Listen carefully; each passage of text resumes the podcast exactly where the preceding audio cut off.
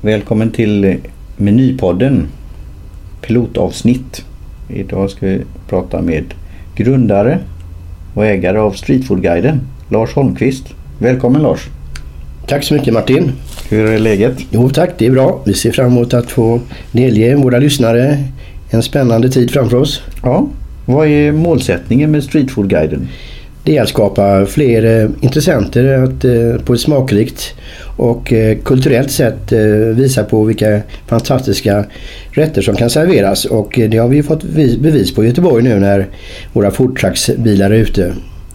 Så att vi hoppas på mycket kring det vidare och då ska vi titta på recept också framöver. Mm. Så det kommer vara en av de stora sakerna. Hur många foodtrucks är ute nu på gatorna i Göteborg? Vi kommer ju även eh, behandla och täcka in eh, Malmö och Stockholm och kanske Oslo och andra internationella städer. Men vi börjar väl lokalt. Ja, eh, de som vi kan se idag eh, är det 20 stycken som har då möjligheter och tillstånd. Mm. Men alla är inte ute. Då några bilar eller befinner sig på olika event. Mm. Och det kan bara inte vara Göteborg, det kan vara på även andra ställen. Men eh, om man säger så här krasst då så kan jag bedöma det, eh, att det är 10 bilar som kan vara ute. Mm. Men allting handlar om väder och vind så att eh, vi hoppas att alla 20 kan vara ute nästa år åtminstone.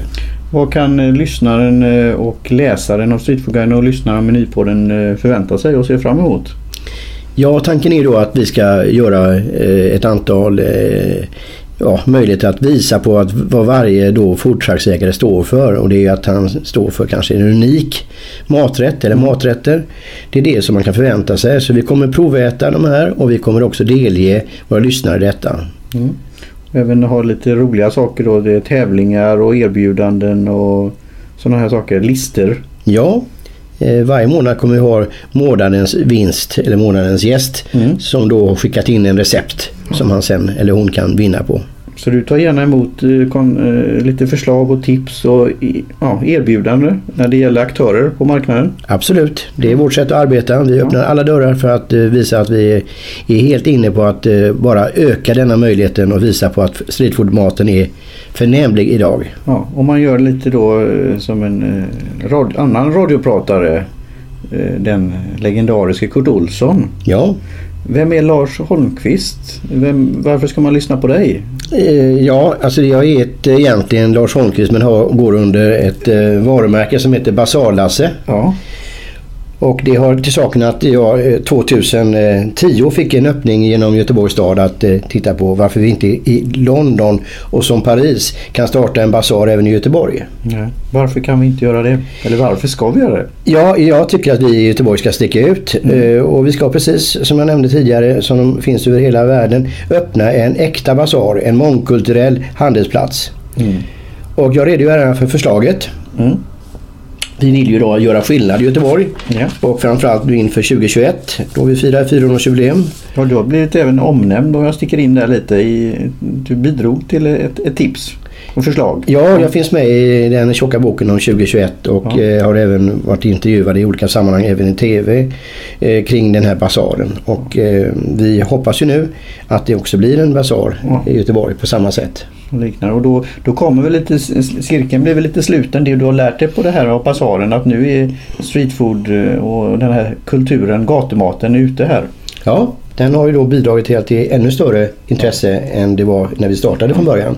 Och jag har även varit över i USA, i Minneapolis och tittat ja. på hur man driver basarer där. Eh, ja. Och eh, lite skillnad mot det man gör här hemma i Sverige. Mm. Man låter alla nya basarägare få jobba ett helt år mm. utan att betala någon skatt. Ja.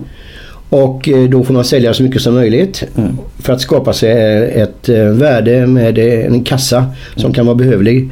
För nästkommande år så eh, då får man i princip göra som så att man också då, då betalar man skatt på det man säljer och så måste man då gå med sin bokföring till en godkänd bokförare som i sin tur då redovisar detta till Göteborgs stad. Mm. Att man då inte håller på med några konstiga affärer. Det är väl det vi ska göra som då, som man säger på engelska, citizen journalist. Vi ska komma in under lite skjortan eller t-shirten på de som är ägare. Hur är det att vara företagare? Och hur marknaden de för sig och vem säljer de till? Vet de sin målgrupp och vad, hur marknaden som, som sagt var. Och vad finns det för utmaningar? med, med att vara företagare på gatan? Ja, jag tycker att Göteborgs stad eh, har gjort eh, förnämligt intresse att vilja skapa de här förutsättningarna. Och det har man gjort genom att man har låtit dem stå kanske på en speciell plats. Nu har man valt att lägga det på, på Göteplatsen där man samlar upp de här Ja. porträttsägarna. Vi får en samlad bild av det hela. Men eh, de är väldigt väderkänsliga. Eh, alltså de som håller på med de här bitarna och det blir ju inte så enkelt som man kan tro. Och de går upp på morgonen tidigt och gör ordning maten. Och sen så ska det sen köras ut. Och sen ska det säljas så mycket som det går för att få att det ska gå, gå, gå runt. runt, ja. ja. Och det är tufft. Ja, det är tufft och du har ju lång, lång erfarenhet från eh, företagande. Ja, Eh, Både upp och nedgångar hur det kan Ja. vara att, vara att ha en egen rörelse. ja det är tufft. Så, eh, men du har också även varit tidigt ute. Du var, var forskade lite, lite på det här när det gäller som vi vet ryktas om att det är ju då food trucks. Men sen kommer det kunna vara container. Vad hette det? Det var eh, pop-up container. Ja, Och det såg väl du i, var det inte England? i England ja. Ja. Så jag har ju följt det och eh, följer även upp i andra basarer både i, i Norden och eh, utan i Europa. Och det finns väldigt många förslag och vi har kommit med det tidigare också till Göteborgs stad. Men det kanske inte var läge just då men jag tror Nej. att på sikt kommer det bli väldigt bra detta. Och det är väl därför vi vill skapa det här. Ja. Att en, en plats, en webbplats där man kan få inspiration, Mm. information, tips, råd, Mm. erbjudanden Mm. och även kunna ha en konversation om denna kulturen. För det kommer ju även då i framtiden en eh, förening för streetfoodkulturen. För Ja. den bästa upplevelsen. Ja, den eh, är bildad och eh, vi har redan många anhängare som vill vara med i den föreningen. Och vi ser fram emot en spännande möjlighet här om om någon månad bara. Ja. Om man nu då på sikt är intresserad att, att vara medverka på något sätt, att bli intervjuad eller ha recept eller något tips. Vem, vem pratar man med då? Hur når man eh, Lasse? Ja, man går in på vår eh, hemsida. Ja, Streetfoodguiden ja, som, .se. eh, ja. Som är då en eh, förnämlig eh, hemsida som då, eh, där man kan gå in och eh, titta på recept och eh, andra övningar. Man då framförallt tittar på de olika streetfoodägarna vad de har för typ av matkultur som ändrar sig efterhand också. Mm. Men vi har även tävlingar och det Jo. kommer bli spännande att följa detta. Med hashtags till exempel på Instagram. Ja, Ja, så fungerar Vad det. bra. Då var det ett litet test här nu och eh, känns det bra Lasse? Jag tycker det. Så med det så tar vi väl något att äta också på återhörande. Ja, då hoppas jag att vi tar någonting eh, gott ifrån, ifrån. Just. Ja, Tackar. tack så mycket. Cheers.